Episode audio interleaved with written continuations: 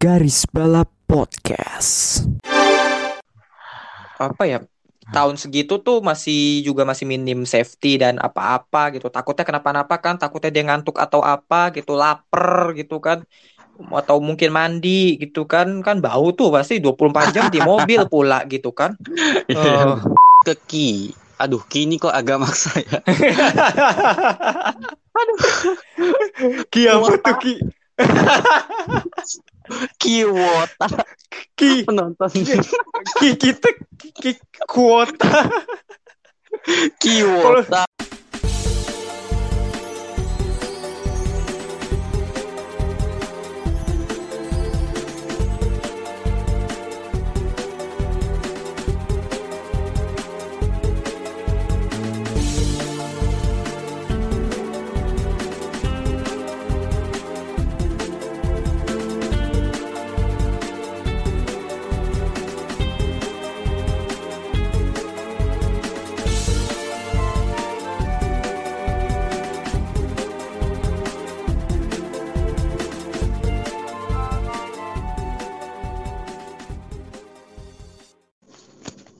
It's Lemons Week.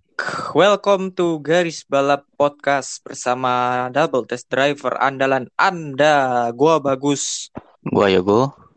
Akhirnya kita eh, apa?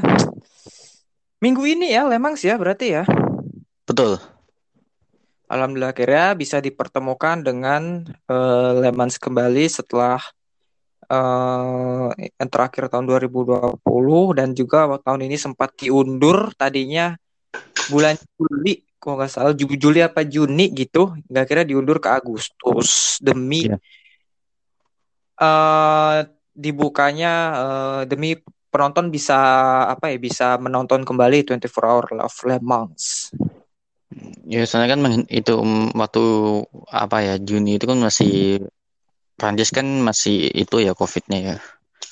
Hmm. Si- Apa sih Kos- tinggi juga.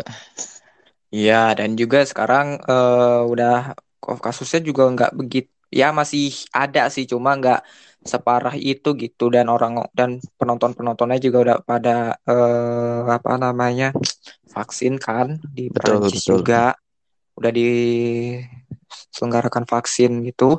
Terus juga ya meskipun nggak full capacity, nggak kayak tahun 2019 yang mencapai 250 sekian, Betul. but still ada penonton gitu. Tapi ya meskipun khasnya Lemas udah maksudnya eh, di itu ya kayak yang apa tuh kan biasanya kan kalau nggak pandemi kan ada tenda di pinggir-pinggir sirkuit gitu kan. Hmm, hmm. Sekarang mungkin hal itu apa bakal ada kayaknya ya. Hmm, tapi sih mungkin kan secara kan nggak full capacity ya. Oh iya, Ya kan? cuma maksud gue ya meskipun cuma 50.000 ribu tapi it's still gitu loh, still ada penonton gitu. Oh betul betul. Yang penting yang penting ada penonton dan syukurlah bisa dipertemukan dengan penonton kembali dan penonton bisa nonton lagi dan gak musim lalu musim lalu tuh jujur aja ya gue melihatnya miris sih jujurnya ya karena ya Lemans pak Lemans tuh salah satu balapan tertua kan Betul. dan tanpa penonton tuh berasa banget gitu kayak aduh miris banget nih apa ya bu dibilang garing enggak ya miris aja sih kalau gue ya Ya mungkin penonton ada ya satu dua tapi kan ya penontonnya ya cleaning service sono kan. Marshallnya Marshallnya Lemans Iya betul. petugas ini petugas di pinggir sirkuit berbaju oranye. Tapi ya udahlah eh, kita looking forward aja untuk 24 Hour Lemang sekali ini. Tapi lu nonton kan? Nonton.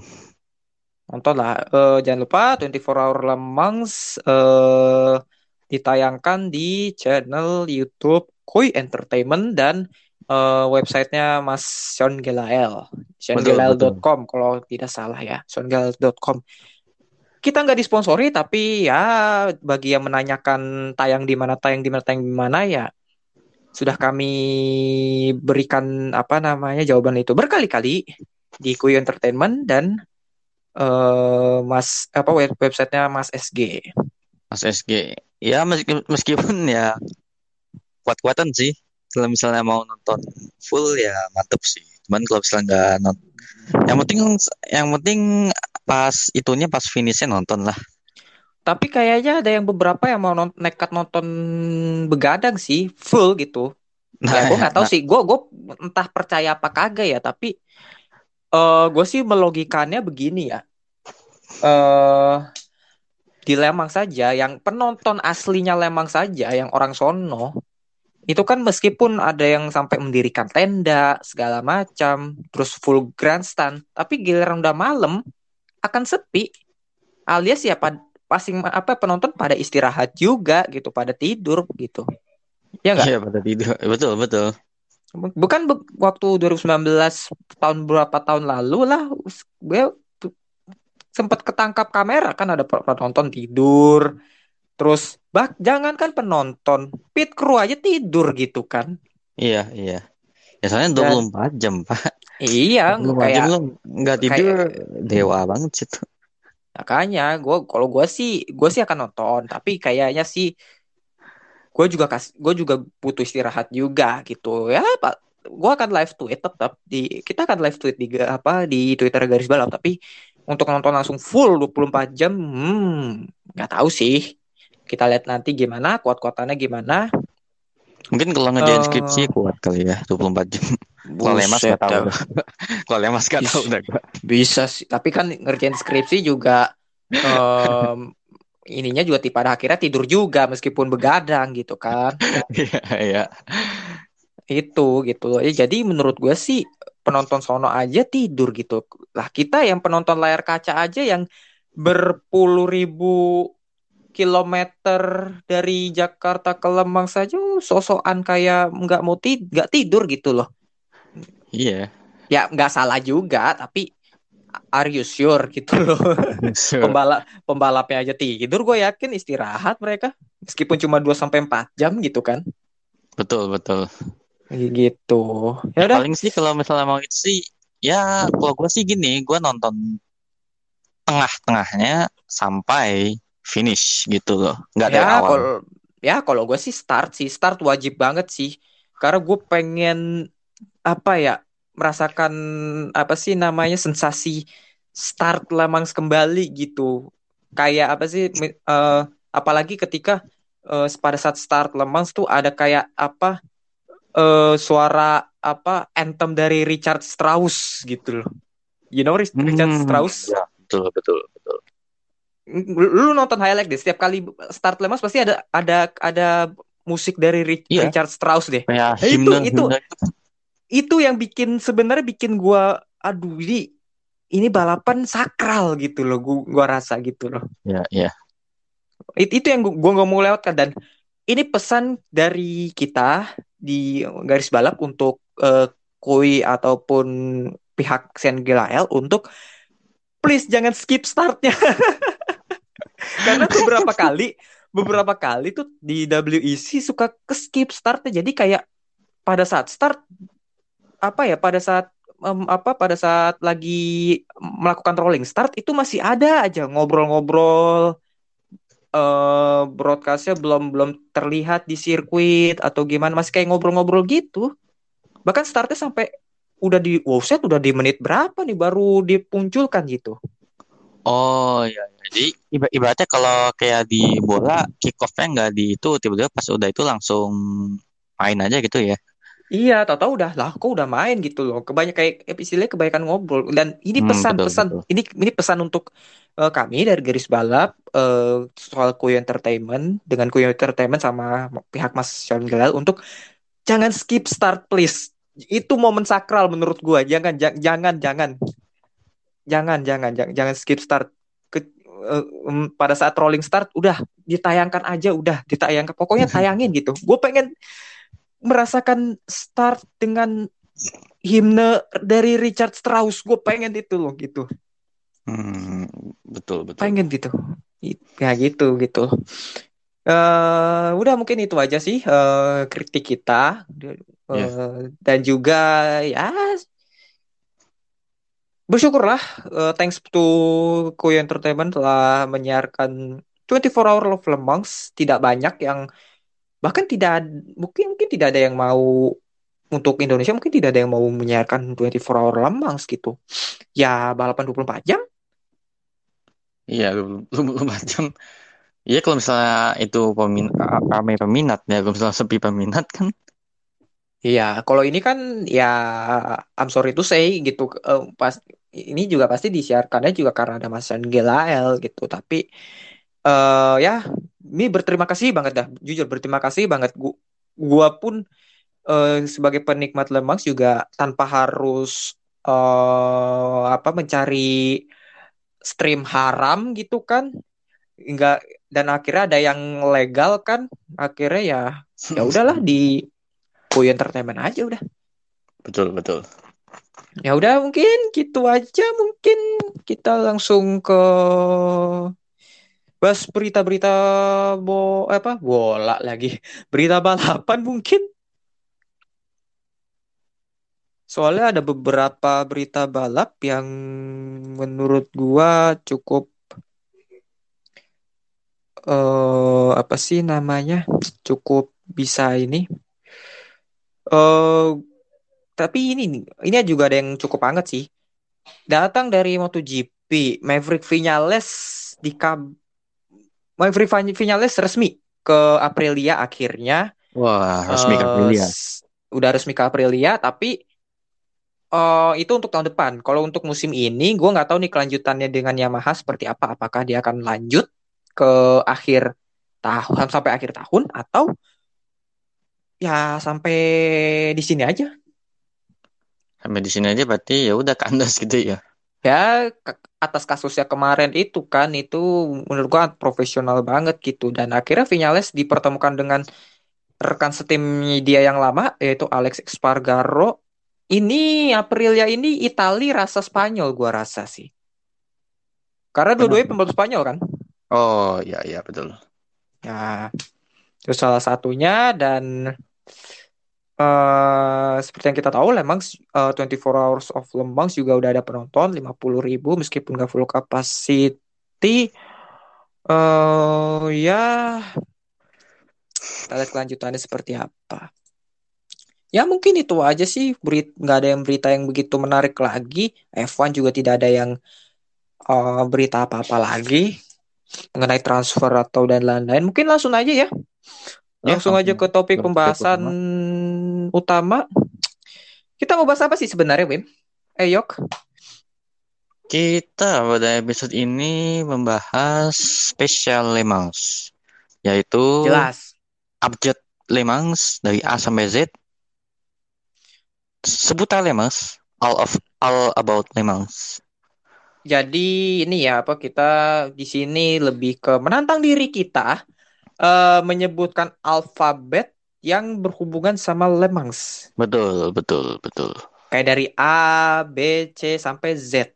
Ini menantang diri kita, ini, ini menantang diri kita gitu loh. Betul. Dan ini ya spesial edisi untuk Le Mans gitu. Kita nggak ada nggak ada preview atau apa. Mungkin review akan ada, tapi eh ya tapi ini ya tunggu balapannya selesai dulu kan. Kalau nunggu review. Jadi Iya, ya udah langsung saja kalau langsung ke pembahasan utamanya nih. Apa aja nih Wim? Eh yok eh, soal alfabet Le Mans kita mulai dari A mungkin. Dari A, oke, dari A, dari A itu mm, mungkin bisa Audi R8 yang menjadi mobil dengan kemenangan terbanyak di Le Mans sebanyak lima kali. Tahun 2000 sampai 2000 apa tahun 2000, 2001, 2002, lalu 2004 sampai 2005 ya. 2005, ya. Sebenarnya harusnya 2003 sih. Soalnya 2003 itu yang menang tuh mobil apa eh, tim Bentley. Iya, Tim Ben tim Bentley. Tapi eh, Bentley Speed 8 ini, Speed 8 ini itu sebenarnya bermesin Audi. Jadi Audi di balik jubah hijau kalau menurut gua di balik jubah Bentley. Oh, Tahun ya, 2003, paham, paham, iya. paham. Iya, Audi be- dibalik juga Ben- Bentley gitu ya. iya, jadi ya tetap aja Audi yang menang, tapi ini kan lagi-lagi Audi R8 A- R8 yang menjadi mobil dengan kemenangan terbanyak, bukan Betul. pabrikannya tapi mobilnya. mobilnya ya. Ya, ini salah satu mobil yang terbaik lah pada eranya juga. Lanjut. Habis itu ada B, Bentley menjadi pabrikan non Prancis pertama yang memenangkan Le Mans yaitu tahun 1924. Eh siapa tuh pebalapnya tuh John eh apa tuh maksudnya tuh orangnya tuh? Duff. Lewat John John Duff dan Sama Frank. Lemong. Ah ya Frank Clement. Eh, itu tahun keduanya 24 Hour of Le Mans ya. Iya. Eh, lewat satu pembalap dari John Duff itu termasuk pembalap Australia. Gue cek. Oh enggak, Kanada, sorry. John Duff itu termasuk pembalap eh, Kanada. Soalnya benderanya agak aneh nih. Bukan kayak bukan bendera? Kanada. Bukan bendera Kanada. Kanada, tapi tapi tapi di sini eh, tertulisnya warga negara Kanada. Lalu Frank Lemon dari Inggris. Eh, Hmm. de- dengan mobil Bentley 3 liter Sport. Oke. Lanjut mungkin. Habis itu kita langsung ke abjad C, Circuit de la Sarthe yang merupakan sirkuit yang digunakan untuk balapan Le Mans 24 jam yang dibuka pada tahun 1923. Ya, jadi tahun apa eh, eh, Circuit de la Sarthe bacanya ya kayak apa sesuai dengan pronunciation Prancisnya Oh, Sarthe, Si- Sarthe. Bukan sarte. Ntar sarte jadi sate gitu kan di Sate. Madura. Sate Iya. Padang. Nah, sate Padang, sate Madura gitu, sate ayam dibacanya. Jadi dibaca Sarthe. Sarthe. ya. Sirkuit de la Sirkuit de la Sarthe merupakan sirkuit yang digunakan untuk balapan Le Mans. Eh, salah satu sirkuit tertua dan apa sih namanya sebelumnya ya sebelumnya sempat beberapa ada perubahan soal sirkuit ini tapi benar-benar resmi dibukanya itu tahun 23 setelah dan ak- dan akhirnya bentuknya tuh ya memang ada dari beberapa tahun memang ada beberapa perombakan ya tapi eh, ya bentukannya ya gitu-gitu aja meskipun ada perombakan di eh, Dunlop Bridge atau di apa sih namanya di Mulsan Mulsan Strike atau apa. Tapi ya bentukannya sih gitu-gitu aja sih De La Sarthe dari dari pertama kali. Berarti lebih ke memper- mempertahankan bentuk asli gitu ya daripada ada mod kan sebenarnya kan ada beberapa di motorsport kan ada banyak banget tuh sirkuit-sirkuit yang dimodif maksudnya yang di apa sih lingkungannya diubah atau apanya lah gitu. Nah, kalau ya salah Sarthe ya ini kan apa ya dipertahankan gitu loh. Iya, salah satunya karena salah satunya yang ikonik adalah eh, apa sih namanya Dunlop Bridge-nya ya. Betul, Kayak betul. apa sih namanya? Iya, itu itu cukup ikonik. Eh, dan tapi sayangnya tidak bisa digunakan di F1. Tapi pernah loh F1 digelar di sini. Waktu itu pakai layout Bugatti kalau nggak salah layout yang satunya lagi yang khusus balapan MotoGP. Tapi sayangnya udah nggak di, nggak di situ lagi ya. Ya semoga saja suatu saat nanti mungkin De La Sarthe bisa menggelar F1. Insya Allah. Kita nggak tahu sih, sirkuit terlalu panjang juga. Gitu loh. Iya. Soalnya kan sampai Iya. makan 24 jam ya. Berarti kan panjangnya kan luar biasa itu sirkuit kan. Ti- 13 km itu itu kan panjang banget 38 tikungan. Tuh catet tuh. Mantap. Lanjut aja mungkin. Oke. Habis itu di tadi udah C, sekarang D. Nah, Dunlop. Dunlop menjadi manufaktur ban dengan kemenangan terbanyak di Le Mans sebanyak 33 kali. Eh, maaf, 34 kali. 34 kali menjadi salah satu apa menjadi yang terbanyak ya. Dari awal berdirinya Le Mans ini dari tahun 1924 sampai 1931, 1936, 1937 sampai 1939, 1950 sampai 1951, 53, 55 sampai 57, 60 sampai 64, lalu tahun 77, 79, 81 sampai 88. Wih, Wih, gila. menang 8 kali berturut-turut itu, 81 sampai 88 dan yang terakhir tahun 91. Tapi ini Dunlop nih bukan manufaktur asli Prancis, manufaktur Inggris ini mah, ban ban Inggris ini.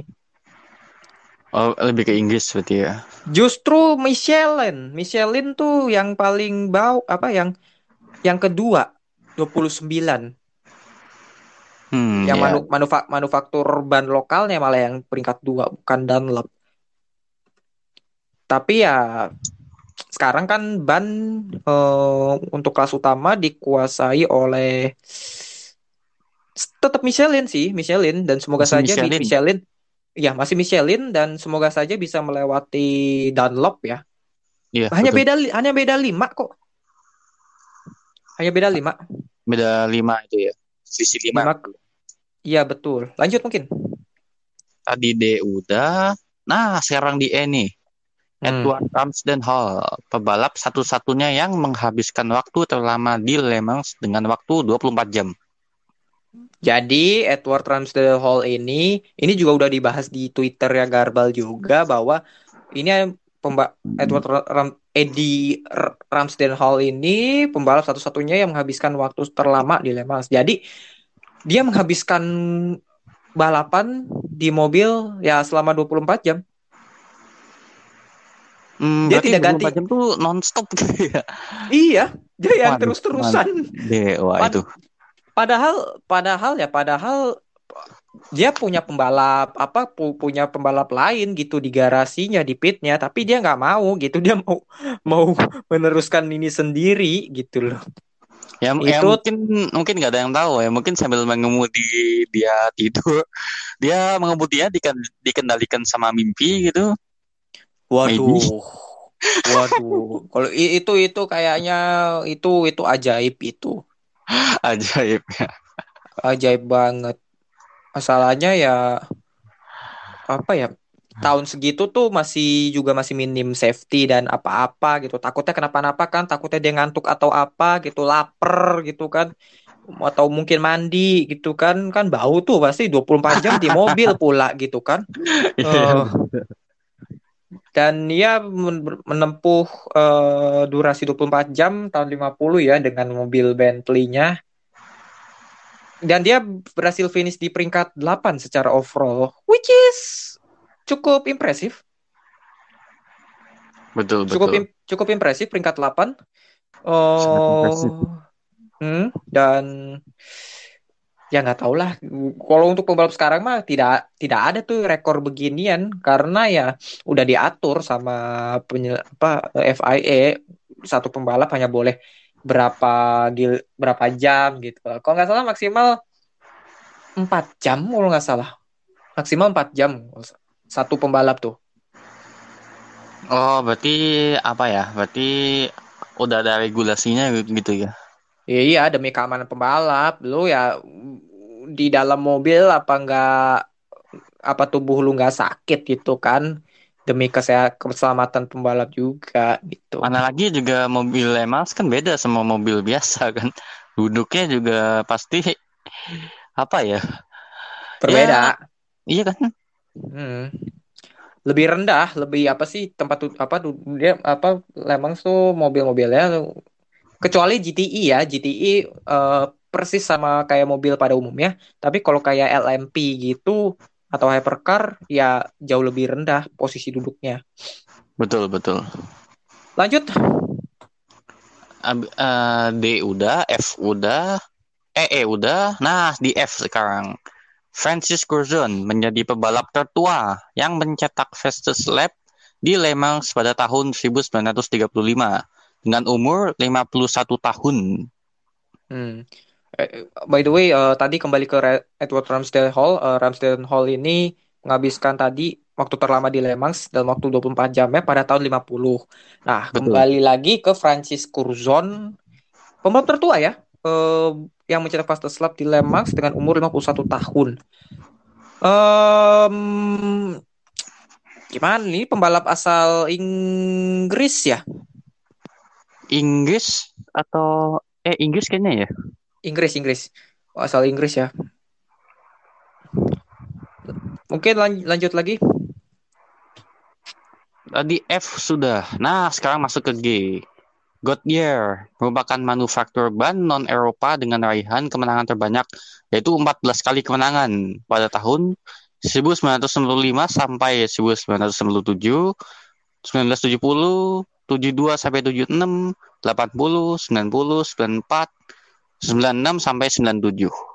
Dan 97 itu kalau tidak salah dimenangkan itu kemenangan pertama Tom Christensen ya. Tahun 97. Tapi itu kita nanti bahas nanti akan ada bahasan itu.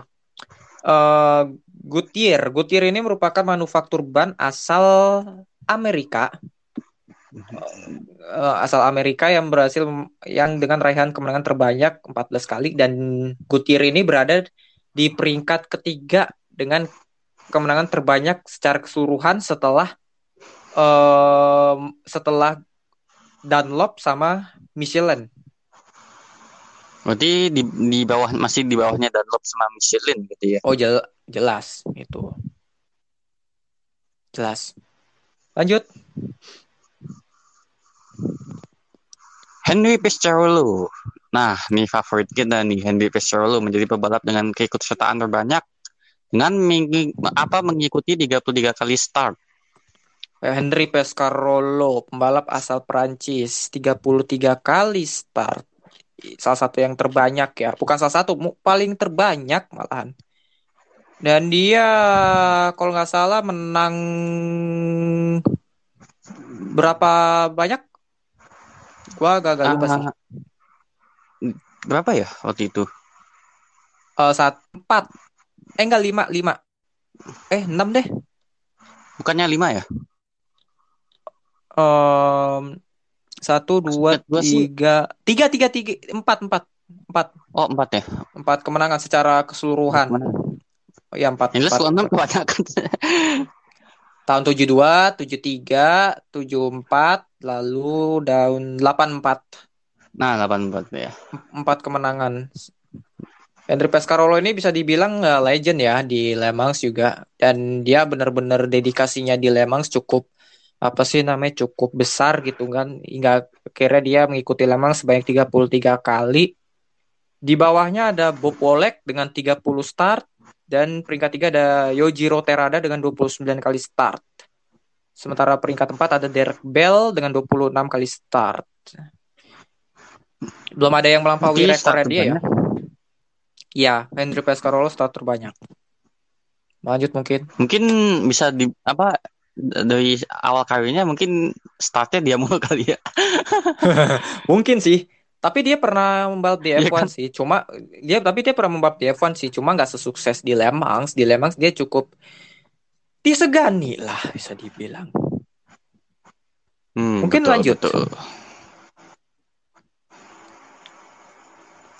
Habis itu, nah ada ide rolling start di Lemas pertama kali digunakan pada tahun 1970 setelah pada tahun sebelumnya menggunakan start tradisional ala Lemas dan banyak memakan korban. Ini iya. Betul. I, sebutin dulu dong. I. I apa, J apa, jangan jangan langsung aja. Penonton kita nanti bingung. Oh, oke okay, oke okay. Jadi ya, ya, ya. ide rolling start tadi dari H sekarang ke I. I itu ide rolling start di Lemans ya. Uh, jadi rolling start di Le Mans itu yang digunakan sekarang itu sebenarnya pertama kali digunakan pada tahun 70. Setelah tahun sebelumnya tahun 69.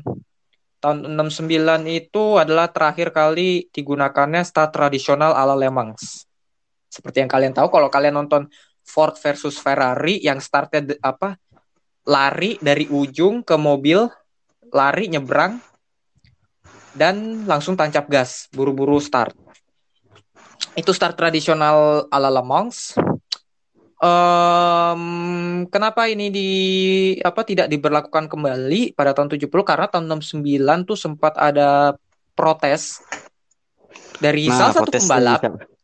Protes dari salah satu pembalap yang bernama Jackie X. Uh, dia protes uh, dengan cara pada saat pada saat tahun 69 itu dia melakukan apa? Para pembalap lainnya menuju mobil itu dengan lari. Dia Sementara jalan. Jackie X dia cuma jalan. Dan dia pembalap terakhir yang uh, ibarat pembalap lain udah pada maju. Udah pada apa? Udah pada udah pada apa? Udah pada uh, jalan lah mobilnya. Nah, Jackie X yang paling terakhir di situ jalan betul, dengan betul. jalan dengan santai duduk tep pakai safe se apa safety belt dan apa pintu kekunci rapat dan akhirnya dia jalan Eh, dan uniknya dia memenangkan Le Mans 24 Memenangkan. hour iya Le Mans 24 dengan di tahun 69 dan itu jadi kemenangan pertamanya di Le Mans bersama Berarti dengan mobil berapa kali, Ford G. berapa banyak dia overtake berarti ya kalau misalnya dari belakang banget terus bisa memenangkan. Exactly. Dia Iya kan? menggunakan ya, dia menggunakan mobil Ford GT40, mobil yang cukup ikonik di 20 di Le Mans. Eh dan seperti yang tadi Yoga bilang, memakan korban banyak dan korban terakhir yang karena yang kar apa karena apa eh diterapkannya tradisional start ini yaitu John Wolf tahun 619 dan diduga John Wolf eh, meninggal itu gegara safety beltnya kurang rapat. Biasanya buru-buru kan ya pasti ya. Iya, soalnya- start tradisional gitu. Iya, kalau start tradisional kan lari dari ujung ke ujung ke mobilnya dan pasti buru-buru kan, entah itu ada apa gangguan safety beltnya kurang rapet, entah itu pintunya kurang rapet atau apa, nggak jadi nggak memperhatikan keselamatan lebih apa lebih detail gitu loh. Dan akhirnya ide apa i- akhirnya rolling start diterapkan tahun 70 untuk pertama kalinya sampai sekarang Betul. gitu. Dan kayaknya start tradisional Le Mans ini kalau di F1 kayaknya agak-agak creepy ya. Bukan hanya creepy aneh sih, gua rasa sih. Aneh. Iya, soalnya ya gimana ya, F1 kan sekarang jauh lebih bener-bener eh apa sih namanya ketat gitu loh soal Iya. safety dan segala macam, soal pemasangan oksigen, pemasangan selang minum dan segala macam itu ya tidak bisa diterapkan di Formula 1 sih. Dan Betul, juga kayak betul. nggak nggak akan diterapkan selamanya sih. Paling paling di ini balap ketahanan motor itu digunakan traditional start itu. Oh iya, soalnya kan motor kan tinggal kita duduk udah kan. Iya, baju balap udah terpasang rapi, helm juga Iya. udah terpasang dari awal sebelum Iya start. betul, betul. Sarung tangan udah. Jadi ya udah tinggal betul. tinggal tinggal lari ke motor, udah nyalakan. Gitu. Betul, betul. Mungkin bisa lanjut. Hmm, tadi kita sampai di Al I ya. Iya, alfabet I. Nah, sekarang kita masuk ke J. J ada Juice Racing adalah tim. Tim yang bukan pabrikan ya, dengan raihan Hmm. kemenangan terbanyak dengan mengoleksi 13 kali kemenangan. Yaitu tahun 84 sampai 85, 96 sampai 97, 2000 sampai 2002, 2006, 2010 sampai 2014. Josh Racing ini kalau kalian belum tahu itu merupakan tim kayak apa ya? Lebih ke tim independen sebenarnya sih, tapi eh, tim ini eh, juga apa sih namanya eh, apa sih namanya sering bekerja sama dengan beberapa pabrikan. Dan salah satu salah satunya sih grup Volkswagen ya dengan Porsche dan. Audi. Iya dengan dengan dua dua dua apa dua dua dua dua pabrikan asal Jerman itu yang berada di grup Volkswagen yaitu Audi dan Porsche. Tahun Hmm, 84 85 itu Porsche yang menang, tahun 96 97 juga Porsche dan tahun 2000 sampai 2014 kemenangan di Le Mans-nya diraih bersama Audi. Dan sekarang Audi. Racing eh, berpartner dengan Glickenhaus sebagai eh, technical partnernya untuk mengembangkan mobil Glickenhaus di Le Mans. Ya, semoga saja bisa menang lagi mungkin bersama Glickenhaus. We we never know gitu loh. Jadi Juice Racing ini kayak dia ada backingan gitu ya. Bukan backingan sih kayak sejen ini tim, tim tapi kayak apa sih namanya? Tim yang apa sih namanya menggandeng pabrikan lain kayak ta- Oh, kayak ya, tadi yang gue bilang. Ya, ya, ya. Iya, Porsche kayak semacam itulah pokoknya. Betul, betul. Mungkin bisa lanjut aja. Tadi J udah. Nah, sekarang di K nih. Hmm. Kazuki Nakajima menjadi satu-satunya pebalap Asia yang memenangi Le Mans berturut-turut sebanyak tiga kali. 2018 Hmm. sampai 2020. Ini menjadi satu-satunya pembalap Asia ya yang memenangi Le Mans berturut-turut. Berturut-turut ya, bukan satu-satunya pembalap Asia yang memenangi Le Mans, bukan. Maksudnya pembalap Asia yang memenangi Le Mans berturut-turut sebanyak tiga kali. Belum ada belum ada pembalap Asia yang meraih rekor ini, meskipun kayaknya ada faktor lucknya juga ya. Menurut gue ya, Betul, betul. karena Toyota tidak ada Ya, pabrikan Toyota. lain. Iya Toyota, secara Toyota. Tapi waktu apa sebelum eh, apa tuh sebelum Toyota yang sekarang ini kan dulu kan pernah ya Toyota udah nyaris menang tuh. Ya kan Itu tiba-tiba pembalapnya dia. nah Dan akhirnya tahun 2017 apes juga, apes lagi dan tahun 2018 akhirnya tanpa rival yang kuat Porsche sama siapa satu lagi Porsche sama Audi cabut eh menang tiga kali berturut-turut dengan dengan rekan semobil eh, Sebastian Buemi dan kalau nggak salah tahun 2018 tuh yang satu pembalap tuh siapa tuh? Lupa tuh. Pokoknya tahun 2020 tuh udah sama Brandon Hartley. Oh ya Fernando Alonso 2018 Alonso, 2019 Alonso, waktu itu Kazuki Nakajima Buemi sama Alonso dan tahun 2020 diganti sama Brandon Hartley betul betul. eh dia menjadi pembalap Asia yang menangkan Le Mans selain eh tad selain hmm, gua gua ingat ingat selain apa selain Kazuki Nakajima ada Seiji Ara sama Masanori Sekiya setahu gua. Itu iya, kalau kayak- dari dari Asia ya. Iya dari Asia. Pokoknya ada ada empat apa tiga gitu, tiga pembalap yang memenangi Le Mans dari Asia. Hmm, betul betul. Iya tiga, tiga. Masanori Sekiya di tahun 95 itu pembalap pertama Asia pertama yang menang Le Mans lalu ada Seiji Ara tahun 2004. Iya 2004, 2004. Lanjut mungkin? Tadi Kak udah. Nah, sekarang di L. L Hmm. ya Le Mans. Iya. Le Mans. Nah, Le Mans ini apa? Salah satu kota di Prancis sekaligus menjadi tuan rumah diadakannya dan pertama kalinya balapan 24 jam. Terletak di Sungai Sart. Ah, ya, Sungai Sart. Bukan sate ya.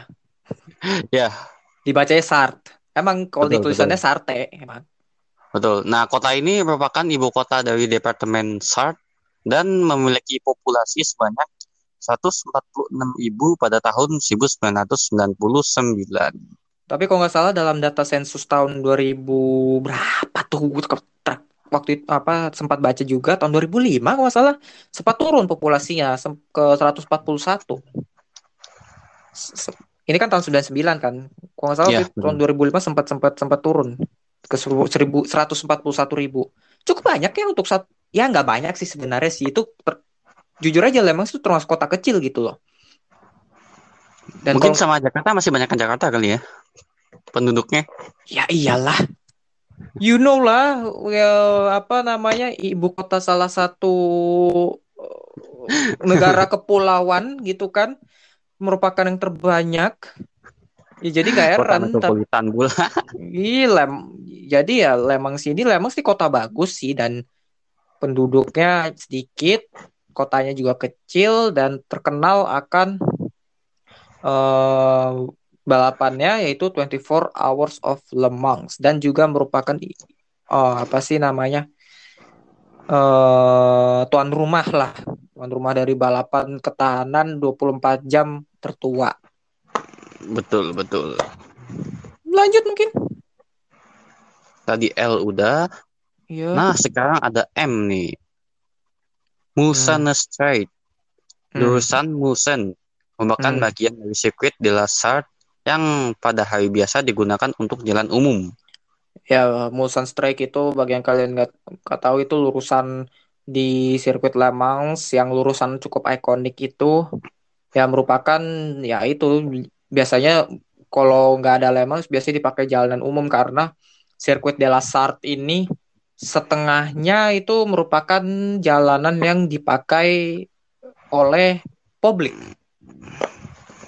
dan kalian tahu sendiri dan kalian bisa lihat lah pada saat di Mulsan Strike itu banyak perumahan, banyak kebun, banyak eh, kebun-kebun, banyak apalagi tuh namanya banyak tiang listrik, banyak mobil-mobil masyarakat, banyak mobil-mobil ya pokoknya itu sebenarnya itu salah satu fasilitas umum di Lemang gitu. Tapi pada saat pada saat nggak ada 24 hour lemas biasanya dipakai gitu sama masyarakat sono buat buat keperluan sehari-hari jalan-jalan gitu Betul, betul.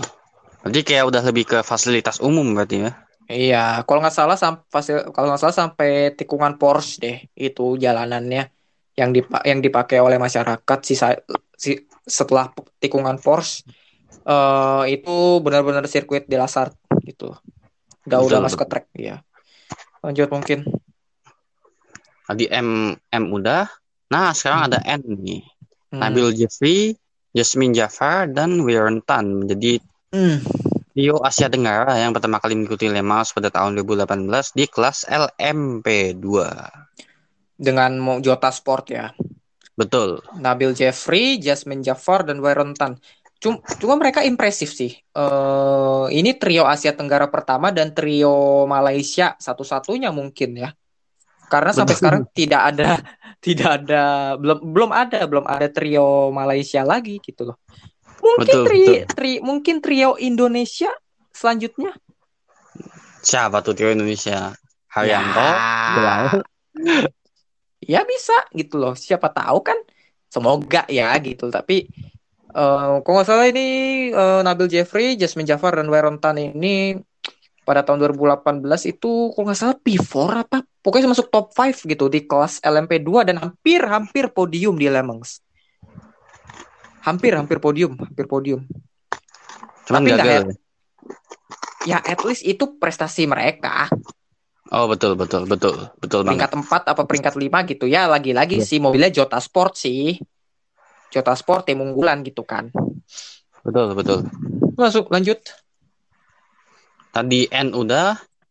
Nah, Hmm. sekarang O. Olivier Gendebien dan Phil Hill merupakan duet dengan kemenangan terbanyak dengan mengoleksi tiga kali pada tahun 1998, 61, dan 62. Gendo Biong eh, pembalap asal Belgia dan Phil Hill dari Amerika. Jadi maksudnya Wim, maksudnya Yogo di sini itu eh, apa mereka duet ini menjadi eh, duet dengan kemenangan terbanyak karena eh, ketika duet ini dipasangkan mereka selalu menang lah kasarnya gitu. Dan dan selalu jika duet ini dipasangkan mereka apa mereka menang dan sekarang menjadi apa dan sekarang mereka eh, duet ini mengoleksi tiga kali kemenangan di Le Mans. Kalau nggak kalau nggak salah Gendebien lebih dari tiga kali sih sebelum sama Phil Hill. Hmm, berarti sebelum sama Phil Hill tuh udah raih kemenangan gitu ya? Hmm, mm, mm. tahun 60 sampai 62 sebelum sama V eh yes eh jadi tahun 60 s- sampai 62 itu eh Gendebien eh, meraih kemenangan di Le Mans secara berturut-turut dan akhirnya tahun 61 sampai 62 dipertemukanlah kembali Gendebien sama Phil Hill setelah mereka memenangkan Le Mans tahun 58. Hmm, betul, betul. Lanjut. Tadi O udah. Nah, sekarang ada P nih. P ini ya, lo tau sendiri lah, Porsche. Jadi pabrikan dengan kemenangan terbanyak di Le Mans sebanyak 19 kali kemenangan. Waduh, Hmm. tahunnya tahun 68 sampai 71, 78 sampai 80 83, Hmm. 85 sampai 88, Hmm. 96 sampai 97 dan terakhir 2015 sampai 2016. Ya, ini kemenangan terbaik di Le Mans ya dan kayaknya akan kemenangan dari Porsche ini akan berlanjut pada tahun 2023 karena mereka kembali ke Le Mans dengan kelas hypercar. Berarti Dan- potensi dia memenangi balapan lagi besar gitu ya. Sangat, sangat apalagi Porsche ini pabrikan yang kuat gitu kan. Eh, dan apa sih? eh, kita lihatlah tahun 2023 kiprahnya gimana. Tapi gue nggak sabar sih tahun 2023 tuh pestanya motorsport gue rasa karena begitu banyak pabrikan yang yang hadir di situ gitu loh. Untuk 23. iya, Mantap, mantap. itu kita udah kerja itu sebenarnya. Gua udah 25 tahun gitu. Selamat, selamat lu lebih tua dari gua gitu. Mantap, mantap. Udah mau bapak-bapak, ya belum bapak-bapak juga sih, cuma udah mau jalan ke situ. Betul, betul. Ya semoga saja tidak mengecewakan lah tahun 2023, gua harapnya begitu. Betul, betul. Lanjut. Dari P kita lanjut ke Ki. Aduh, Ki ini kok agak maksa ya. Ki apa tuh Ki? Kiwota Ki, penonton. Ki kita Ki kuota. Kiwota penonton Mas. Sebelum pandemi mencapai 252 ribu penonton dan salah satu yang terbesar. Namun 2021 pihak penyelenggara hanya menyediakan 50 ribu penonton. Maksudnya kapasitasnya 50 ribu gitu ya. Iya, ini agak maksa sebenarnya. Tapi gak apa-apa lah, kita seleng-seleng dikit lah. Betul, betul. Kiwota. Jadi ki untuk kuota ya sebenarnya selengean dari kuota. Cuma karena nggak nemu kita. Betul, betul. Jadi kuota penonton Le Mans ya sebelum pandemi, sebelum pandemi yang kita tahu tahun 2019 ya. Sekitar 252 ribu penonton. Dan salah satu yang terbesar. eh bayangkan lu berada di podium gitu, di podium Le Mans dan lu melihat lautan penonton dari ujung ke ujung gitu kan. Betul, betul. Itu menurut gue sih atmosfer ketika podiumnya menurut gue melebihi Monza sih.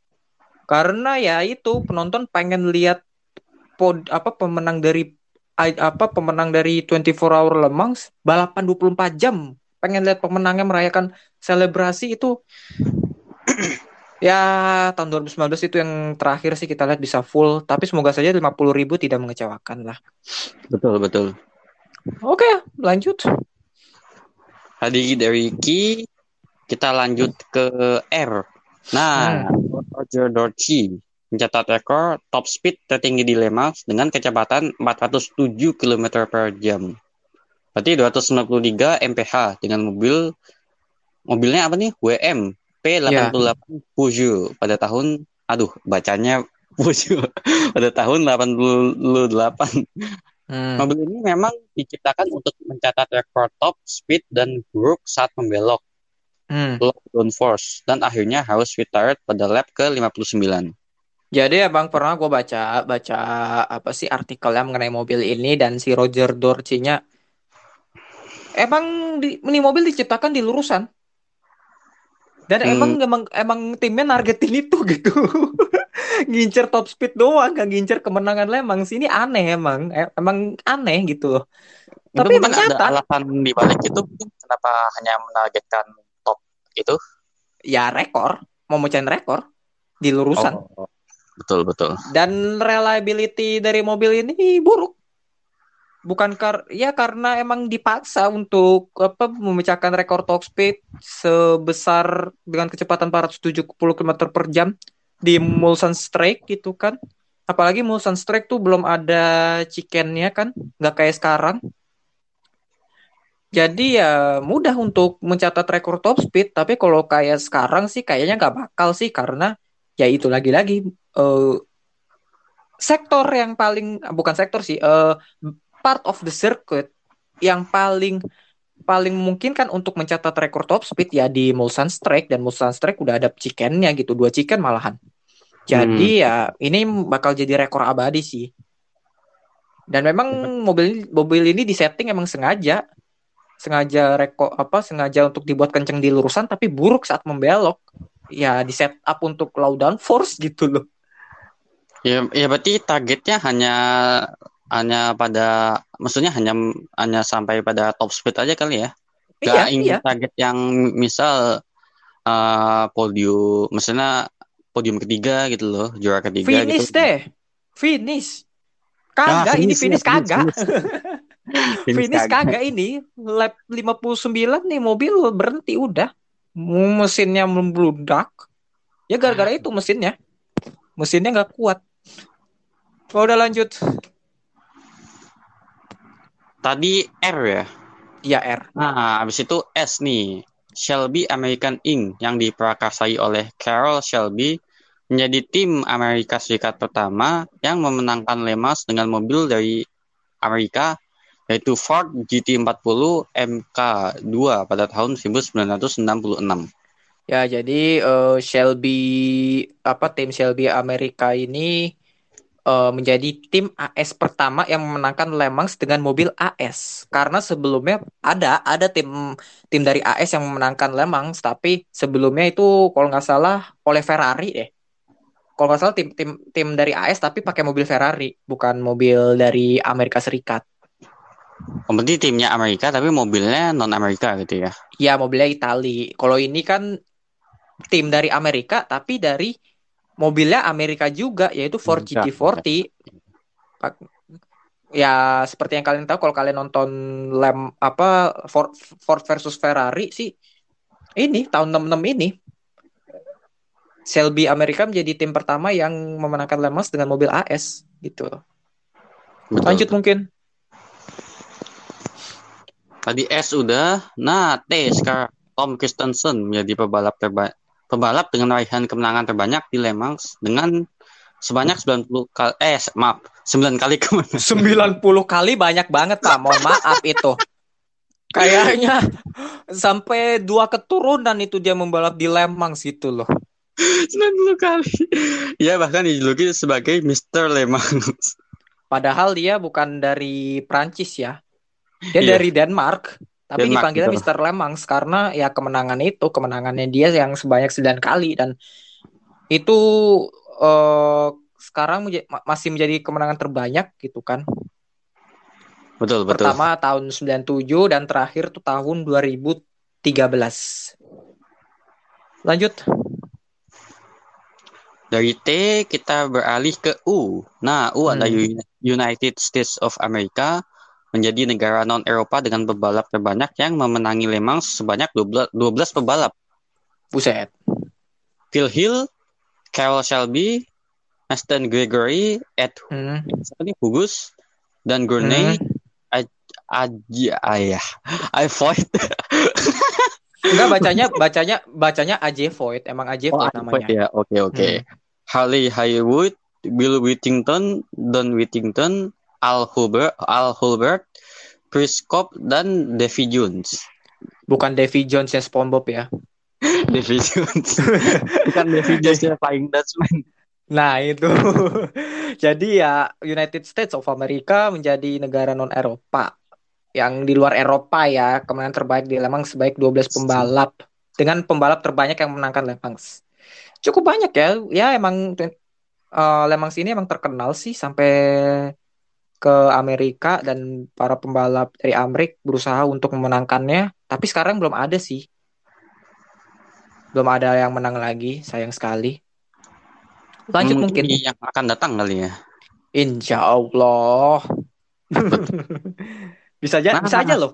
Bisa aja, enggak, sorry, bisa aja loh karena eh, rumor-rumornya sih ini Cadillac, Cadillac tahun 2023 mau ikut. Mau ikut hypercar. Tapi belum mau, confirm. mau andil gitu ya.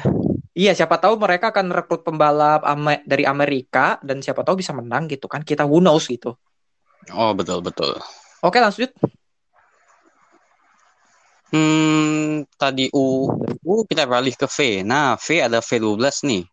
Merupakan tipe mesin dengan kemenangan terbanyak di Le Mans sebanyak 20 kali. Mantap. 20 kemenangan gitu ya. 20 kemenangan dan kemenang itu em, tipe mesin dengan kemenangan terbaik di Le Mans. eh di bawahnya ada mesin inline six, lalu ada flat six dan lalu ada V8 V8 ya. dan inline 8. Jadi ya ya ini karena fak karena kenapa V12 menjadi tipe mesin dengan kemenangan terbanyak ya karena itu Le Mans apa dulu-dulu tuh emang pada demen mesin V12 kan. Betul, betul. Betul banget. Tapi sayangnya kalau digunakan sekarang boros. V12 boros Pak. asli. Makan energi gitu. Iya, uh, yang ada cadangan minyak bumi jadi habis gara-gara itu. Betul, betul. Lanjut mungkin. Tadi dari V kita beralih ke W. Ada Wolf Barnato menjadi pebalap yang memenangi semua Le Mans yang dia ikuti sebanyak tiga kali. 1928 sampai 1930. Jadi Wolf Barnato ini menjadi pembalap yang pembalap dengan kemenangan terbanyak di Le Mans selama ia mengikuti Le Mans gitu ya. Tahun Betul. 28 sampai 30 gitu. Jadi dia hanya mengikuti Le Mans sebaik tiga kali dan semuanya menang. Betul, betul. Itu efektivitasnya bagus sekali gitu loh. Ibarat Kayaknya dia nih tiap dia ikut menang gitu loh. Iya, ibarat kalau dia di sepak bola ya dia selalu di setiap pertandingan cetak gol gitu loh. Nah, Wolf Betul, Barnato ini ya itu setiap dia kali ikut menang. Mungkin karena mungkin karena dia cuma tiga kali ikut tahun-tahun 30 ke atas dia nggak lanjut mungkin bosen lah menang kali ya. Betul, betul. Mungkin karena bosen menang kali ya. Iya, bisa, bisa. bisa, bisa jadi loh. Bahkan Berarti- Tom Kristen bahkan Tom Christensen pun juga setiap kali dia ikut Le Mans belum tentu juara gitu meskipun dia apa eh, pemenang terbanyak itu kan gitu loh. Tapi, tapi betul. ini Wolf Wolf Barnato setiap kali dia ikut juara. Ya mungkin dia Itu- kenapa nggak ikutnya mungkin bosen maksudnya ah, gini loh iya maksudnya emang bosen. Iya maksudnya ah dia- paling gua ikut juga menang lagi jadi mending nggak Iya, usah ya udahlah nggak usah lah gua mau males juga lah gitu kan. betul, betul. Udah tercatat di dalam sejarah ini kok. Oke Betul, lanjut. betul. tadi apa tuh W ya nah sekarang ke Ini- X Hmm, cukup Aduh. cukup tricky ini X nih. Apa tuh X tuh? Xavier Mason jadi pebalap pertama di Le Mans yang berhuruf depan X dia mengikuti Le Mans empat kali 2009 sampai 2011 dan terakhir 2015 dengan raihan terbaik P2 apa, tahun 2009 di kategori GT1 Ya dia dia pembalap asal Belanda ya. Belanda apa? Betul. Ya Belanda ya. Javier Belanda, Mason. Belanda. Iya Belanda. Menjadi pembalap pertama di Le Mans yang berhuruf depan X. Enggak bukan Nggak ada pem- bu- ah, nggak- berhuruf nggak ada depan huruf depan yang konsonan tapi konsonannya nggak umum gitu loh. Oh kan iya kalau iya kayak iya. tadi Tom Christensen kan T kan umum gitu kan ya. Iya, Ini Javier X. ini. X gitu kan. Nggak nggak wajar gitu. Tapi Udah kayak udah kayak ini udah kayak MTK X. Gak ada X. Waduh, XY itu apa? Aduh, gue males dah kalau bahas MTK mah. Tapi ya well lah dia rekor ini dia di Lemang sih nggak buruk-buruk amat sih. Lanjut, Dari- lanjut X mungkin. Nah, Iya. mungkin ke Y nih. Ada Yannick Dalmas menjadi pebalap dengan kemenangan terbanyak dengan pabrikan yang berbeda-beda, yaitu tahun Hmm. 92 Peugeot, 94 Porsche, 95 McLaren dan 99 BMW. Jadi ya itu Yannick Dalmas eh, belum ada pembalap yang kayak Yannick Dalmas ya kayak dia di pabrikan ini terus langsung menang, dia dia di pabrikan ini langsung menang. Bahkan Tom Christensen cuma dua pabrikan doang. Bersama Berarti po- bersama Porsche sama Audi doang.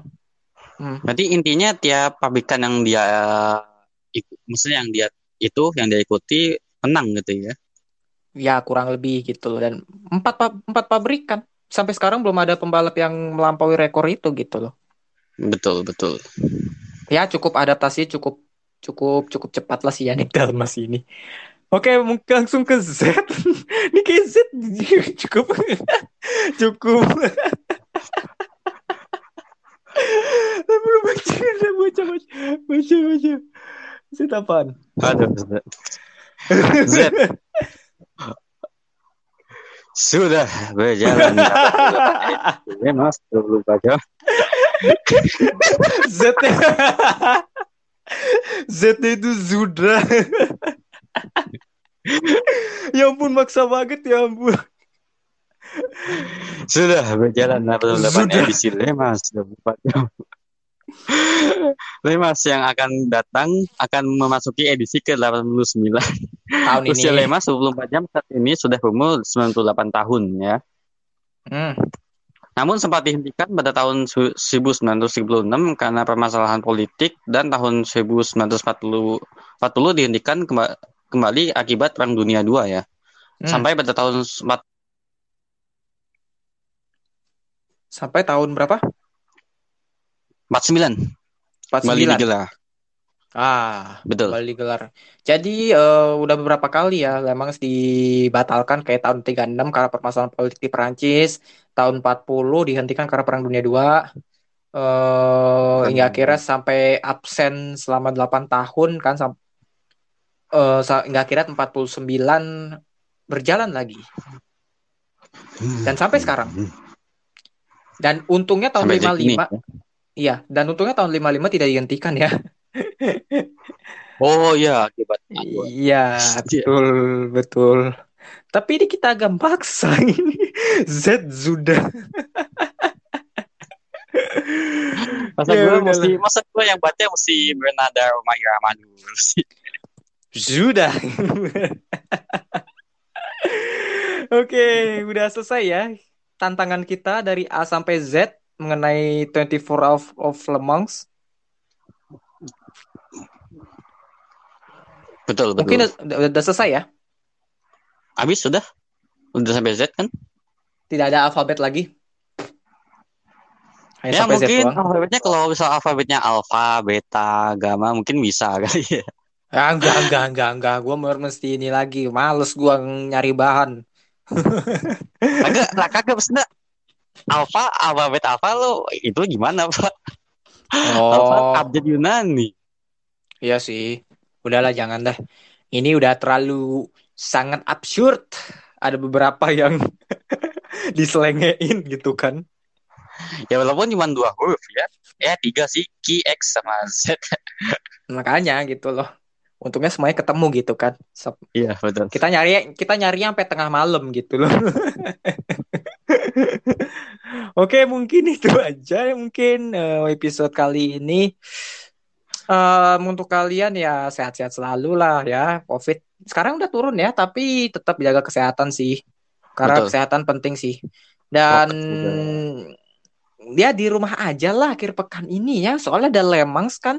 Kalau meskipun F1 nggak ada, meskipun F1 nggak ada, tapi ya ada balapan gitu loh, ada hiburan gitu kan. Iya, buat Still, pencinta gitu. motorsport gitu loh. Masih ada Iya gitu. bahannya untuk ditonton lah. Iya gitu loh. Jadi ya kalian di rumah aja deh ya, di rumah aja, nggak usah malam minggu. Kalian gak usah malam minggu. eh pada hari Sabtunya ya, udah di rumah aja deh nonton Le Mans deh. Begadang nggak apa-apa, yang penting di rumah gitu Betul. kan. Sam. Oke Tapi mungkin itu sama, aja lah. sama ini sih Gus, sama ini sih Gus Apa? mungkin untuk di episode yang akan datang ya nggak tahu episode berapa. Nah kita bah- bahas terkait balapan yang apa ya balapan ketahanan gitu loh, ajang ketahanan. Ya sebagai apa sih wawasan aja sih. Kan Hmm. balapan ketahanan kan banyak tuh, nggak cuma Le Mans Hmm. aja, ada 24 hour Nürburgring, ada 12 hour Mugello. Ya Hmm. banyak lah pokoknya ya sebagai wawasan aja sih, tambahan aja gitu. Oh, iya Cinta sih. motorsport. Bisa, bisa. Eh karena nggak hanya Lemans kan, tapi eh karena Lemans ini cukup spesial dan istimewa ya eh, di mata motorsport fans motorsport dunia. Ya Betul. kita bahas gitu loh. Iya. Ya ibarat nih Lebaran lah bisa dibilang atau haji gitu kan. Betul, 24 betul, hour Lemans gitu kan. Ya udah mungkin itu aja lah dari gua. Ya meskipun meskipun eh, apa ya impian orang tuh pengen membalap di F1 tapi ya lu tidak bisa menolak Le Mans gitu loh. Le Mans Iya, balapan yang sakral gitu kan dan Sakral. Good luck untuk Mas Sean Gilael untuk apa kiprahnya nanti di Le Mans semoga mendapatkan hasil yang terbaik. Dan ya mungkin itu aja lah ya dari kita. Sebelumnya terima kasih karena kalian telah mendengarkan garis balap sampai satu jam tiga menit. Kayak kita satu jam mulu ya. Gak pernah bosan-bosan loh. Ya semoga aja ada yang denger sampai habis lah. Ya bodo amat lah pokoknya kita hanya menyalurkan apa yang kita suka sih. Meskipun Betul, sampai betul. sejam sih. Ya Betul, udah betul. mungkin itu aja lah dari kita. Eh sekali lagi terima kasih follow Instagram garis balap dan Twitter. Eh Twitter hampir mau apa lagi jalan ke seribu nih, lagi jalan ke seribu followers. Mantap. Nah, ya semoga saja tahun ini bisa lah. Eh follow Instagram, follow Twitter dan follow Spotify-nya garis balap ya. Eh ya mungkin itu aja lah dari gua. Gua bagus. Gue Yogo. Sampai jumpa di episode garis balap berikutnya. Salam Motorsport Indonesia. Yo, salam motorsport. Mantap.